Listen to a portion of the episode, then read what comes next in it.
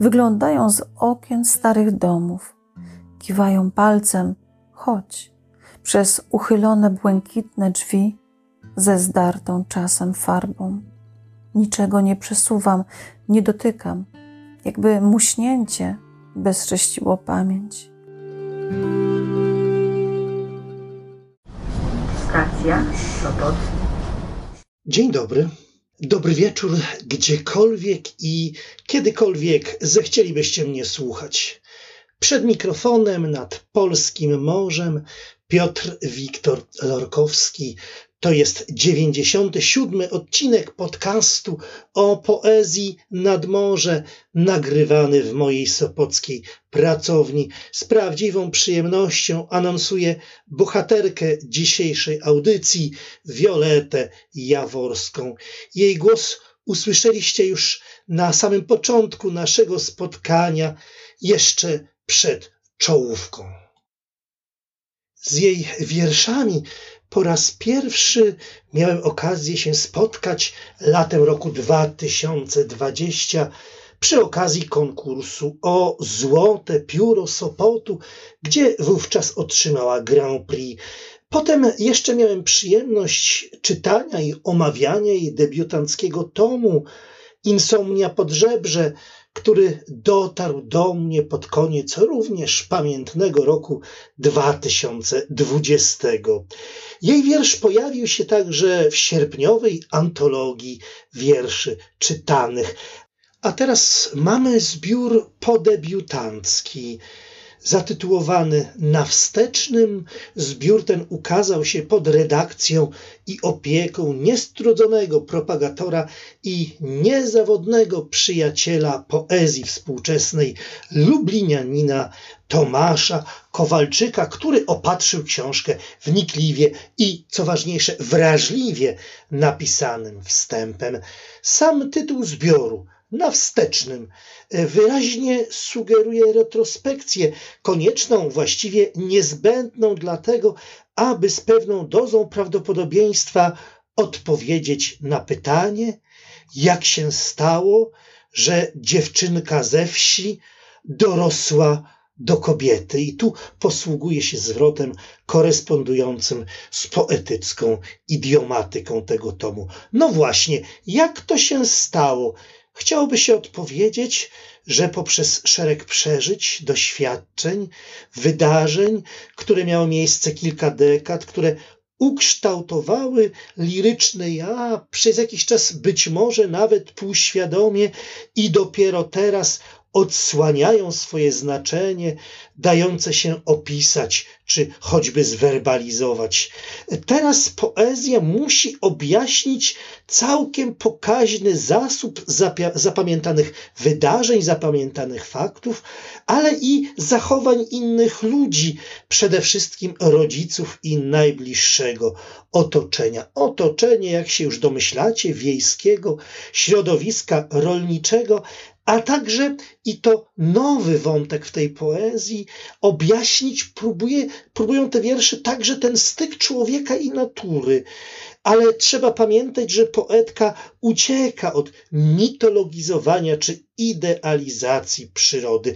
Sentymentów jest na tych stronicach tyle, ile być powinno, tyle na ile pozwalają konwencje czy strategie. Czas, zauważa poetka, płynie na wsi inaczej niż w mieście, i znowu nie mamy tutaj do czynienia z idealizacją, z jakimś takim wypiększeniem e, tej przestrzeni wsi czy przestrzeni gospodarstwa. Po prostu te wiersze pachną wonią zwykłych tamtejszych czynności i prac, a dzieciństwo wiąże się nie tylko ze smakiem gumy balonowej, ale i z szeregiem różnych inicjacji czy wtajemniczeń, nie zawsze dostępnych miejskiemu dziecku. W tym też sensie można tutaj mówić o swoistym poetyckim realizmie. Międzyludzką, rodzinną przestrzeń zaludniają w tym tomie postacie strudzone, surowe, acz traktujące swoje życiowe obowiązki z powagą i ta powaga bywa czasem niepozbawiona odrobiny czułości. Ale teraz, kiedy poetka wraca do przestrzeni swojego dzieci, dzieciństwa, to spotyka tak naprawdę przede wszystkim duchy zamieszkałe w miejscach po ludziach. Tylko z pozoru są to miejsca puste czy martwe, bo te duchy pilnują jeszcze, aby życie póki to tylko możliwe, nie zanikło tam do zupełnego końca. Oczywiście e, te wiersze nie pomijają także biologicznej materii jako najbardziej namacalnego przejawu życia, o czym przekonuje nas na przykład finalny, końcowy dyptyk tego zbioru. E, podsumowując, kto polubił, kto docenił debiutancki tom Wiolety Jaworskiej, ten nie będzie zawiedziony jej tomem podebiutanckim, ale czuję, że nadchodzi czas, aby oddać głos poetce i w tym przypadku czynię to ze szczególną przyjemnością.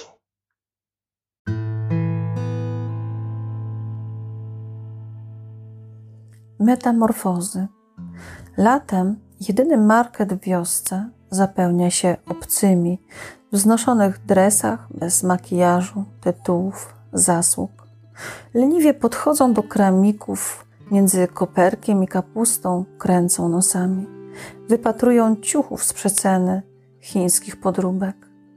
Wiejskie babki milkną, tylko wygłodniałe oczy zdradzają niedosyt.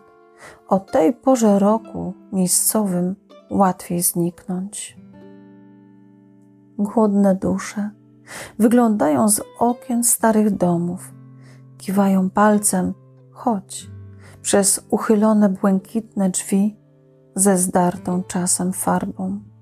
Niczego nie przesuwam, nie dotykam, jakby muśnięcie bezcześciło pamięć. Jeśli dobrze się wsłuchać, można usłyszeć resztki rozmów, szuranie buta. Pytasz, czemu fotografuję? Obdarte ściany, krzesło ze złamaną nogą, stół, na którym królował krucyfiks z obrazkiem, na podorędziu różaniec, zdrowaś Maryjo, szeptane wargami, niosło się echem po domu. Bo stare domy są jak cmentarz, umarłe tylko z wierzchu. Ramka. Rozbite ułamki wieczności w rozwartych drzwiach, drogi bez powrotu. Mama na fotografii ma 18 lat, owalną twarz i kręcone włosy na papiloty. Uśmiechem uwodzi czas, przeszły, dokonany, o którym wiem tyle, ile zdążyła powiedzieć, zanim w jej żyłach zakwitła trzcina cukrowa i rozpanoszył niedowład w kolorze sepi. Wygląda jak aktorka niemego kina jeszcze bez migoczących oczu respiratora i rur, odległej galaktyki na szpitalnej podszewce. Odkreślam kadr za pleców i wszystkie godziny pokaleczonych rąk. Nie lubiła rękawiczek, stróżek potu wsiąkających w przędze czasu, jakby ktoś nałożył filtr starej kliszy, na której nic nie zapowiadało przetrąconych lat i piołonowej śliny mogła nie wychodzić za mąż, gdyby nie rzesze kawalerów, słuchać babci na wsi klepać biedę, albo skończyć dobre liceum u ciotki nad morzem, gdzie najczęściej świeciło słońce, najlepszy malarz świata w monochromie. Ważne są dni przed nami, ale najbardziej te, które właśnie mijamy. Kolej rzeczy. Na podwórku stał maneż z trawą wrosłą w szczeliny zębatki. Nie ma komu robić, mawiała babka, podparta pod boki. Stodoła z dziurawych desek, judaszy do podglądania. Czarnych koni w okolicy dawno nie widziano. Odeszły do miasta, łatwiej zarobić.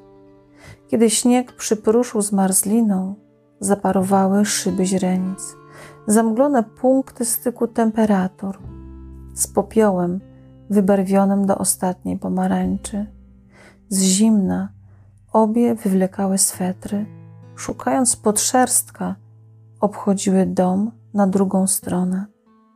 Nikt mnie nie pyta, dlaczego nie noszę fartucha, nie składam rąk. Smaki. Słony. Już w łonie matki trzymałam kurczowo pępowinę, niczym himalaista linę na wierzchołek, choć prawdziwe szczyty pojawiły się dopiero poza brzuchatym nieboskłonem, rozdartym jednym cięciem skalpela. Podobno nie chciałam żyć. Podłączyli tlen, wtłaczając introwertyczną skłonność zamiast przestrzeni wyssanej z krwią matki. Do dziś nie znoszę wyciągów krzesełkowych. Oto jestem, bosa baletnica na ostrzu lodu, z hartowaną solą w oku. Słodki. Wczesnym latem, w czerwcowy dzień, wystroiłam się w biel sukienki z halką na kolistym fiszbinie, a włosy mieszały się z tiulem, kiedy spadł deszcz. Pada, źle wróży, żebyś nie płakała całe życie. Gorzki. Mam posrebrzone skronie, jakby czas niechcący pomazał pędzlem przód czoła, a wokół oczu zapętlił pajęcze gniazda z czarnymi onyksami w błękicie.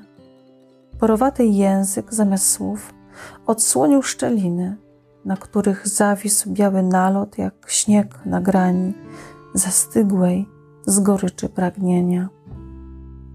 Ewokacje. Szafa.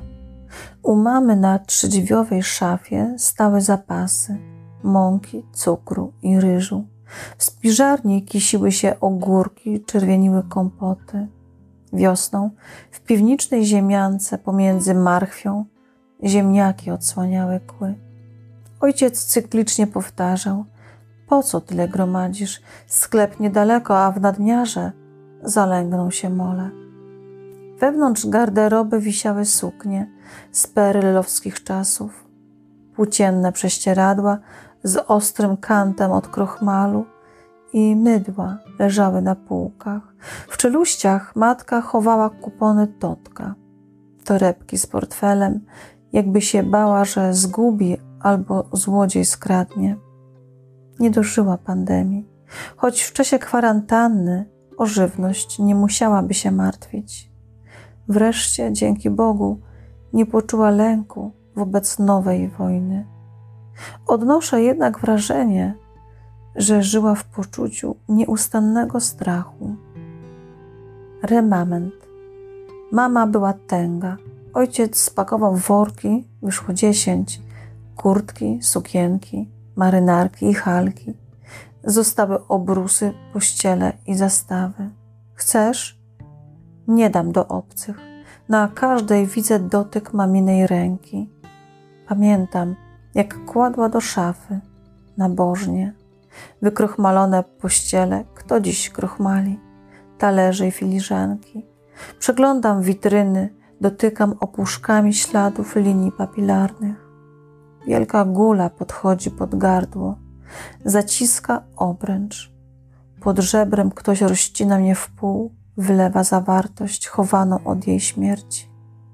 Zostaje po nas tyle rzeczy i kurz, jakbyśmy ulegli transformacji.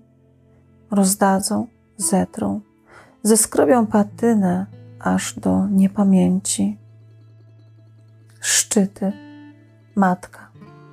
Myśli, że urodzić jest najtrudniej, obnażyć własną intymność, pokazać słabą stronę siebie. Wtedy jeszcze nie wie, że to tylko podstawa góry lodowej. Codzienność.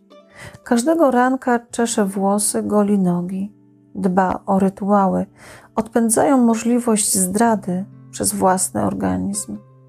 Makijażem kamufluje datę swoich urodzin, przelicza dobową liczbę kroków. Chodzenie pomaga zachować młodość krwi, nie sprzyja zawałom i udarom. W płatach skroni wyrastają srebrne przędze. Im wyżej, dłużej, dalej, tym zimniej śnieżą. Aklimatyzacja. Kiedy sądzi, że może odpocząć, nabrać sił, złożyć ramiona na nowo jak skrzydła do lotu.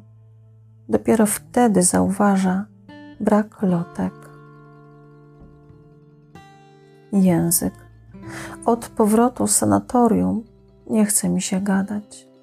Jakby sosny i świerki utknęły igłami w gardle, nie może przebić się słowo. Na pograniczu między literą a głoską. Jeziorny wiatr niesie zapach bobrów, przenika pod żebrze. Jest zimny. Słucham opowieści w cudzych twarzach, odnajduję stęchłe resztki chleba rzuconego mewą. Daj nam dzisiaj najbardziej powszednie. Identyfikację. Mątwa. Najlepiej czuję się w ciepłej wodzie opływającej ciało albo zasypana po grzbiet piaskiem. Mam dziesięć ramion, każde inaczej opancerzone. Odsłonięcie skorupy poprzedza ostrzegawczy język. Żaden ze mnie drapieżnik. Mam miękki korpus i odnogi pozbawione paznokci. Ci, co podchodzą blisko, układają dłonią na stroszone łuski, patrzą głęboko w oczy. To we mnie jest strach i ból w kolorze sepi. Iluminację. Podkładam dłoń pod lampę. Przypomina plankton, przezroczystą perłę z siecią naczyń krwionośnych, plamką w oku. Wiązki pełzną od ramion po głowę i stopy. Staje się prześwitująca. Pulsuje tylko to, co wewnątrz. Nieważny profil, zarys sylwetki, skulonych w głąb ramion. Wszystko pęcznieje, jakby promienie dodawały mocy, obnażały skrywane płócienie i dziurawą pamięć, zamiast tkliwej membrany, przetak, rozdzielający na czworo. Gaszę jęzor światła. Za bardzo liżę stare rany. Każda dziura oznacza potop. Dziękuję Wiolecie Jaworskiej za udział w tym odcinku Nadmorza. Dodam jeszcze tylko, że autorka jest postacią wielu zainteresowań, wielu talentów poprzestany tylko na stwierdzeniu, że jeden z jej wierszy zdradza na przykład prawdziwą pedagogiczną troskę i uwagę. Samą zaś książkę wzbogacają grafiki autorstwa Wiolety Jaworskiej, czyli jest to książka doskonała, pokazująca także pewne, w pewien sposób również y, sposób patrzenia obrazem czy myślenia obrazem. W każdym razie na wstecznym to jeden z tych tomów, który powinien trafić do rąk każdego, kto chce być na bieżąco z poezją współczesną. I w tym miejscu kolejne podziękowania. Serdecznie dziękuję także za lekturowe nowości Karolinie Saudeckiej, za jej tomik Rekuchara oraz redaktorom formatu literackiego za szósty numer tego kwartalnika. Jak zwykle mnóstwo ciepłych myśli kieruję w stronę swoich słuchaczy w każdym zakątku internetu. Zachęcam ich do komentowania, dyskutowania, bądź także lajkowania kolejnych odcinków. No i warto w tej chwili przypomnieć, że mojej nadmorskiej audycji można słuchać nie tylko na platformach Anchor i Spotify, ale także w wersji wideo na Instagramie i YouTube. A jeśli macie pomysł na to, czyje wiersze, czyje tomiki powinny stać się tematem kolejnej audycji, Podzielcie się nimi, proszę. Zależy mi na każdym waszej głosie, waszym głosie, na każdej opinii, na każdej sugestii. Ze swojej pracowni w Sopocie wszystkich swoich słuchaczy pozdrawia Piotr Wiktor Lorkowski. Niech sprzyja wam muza.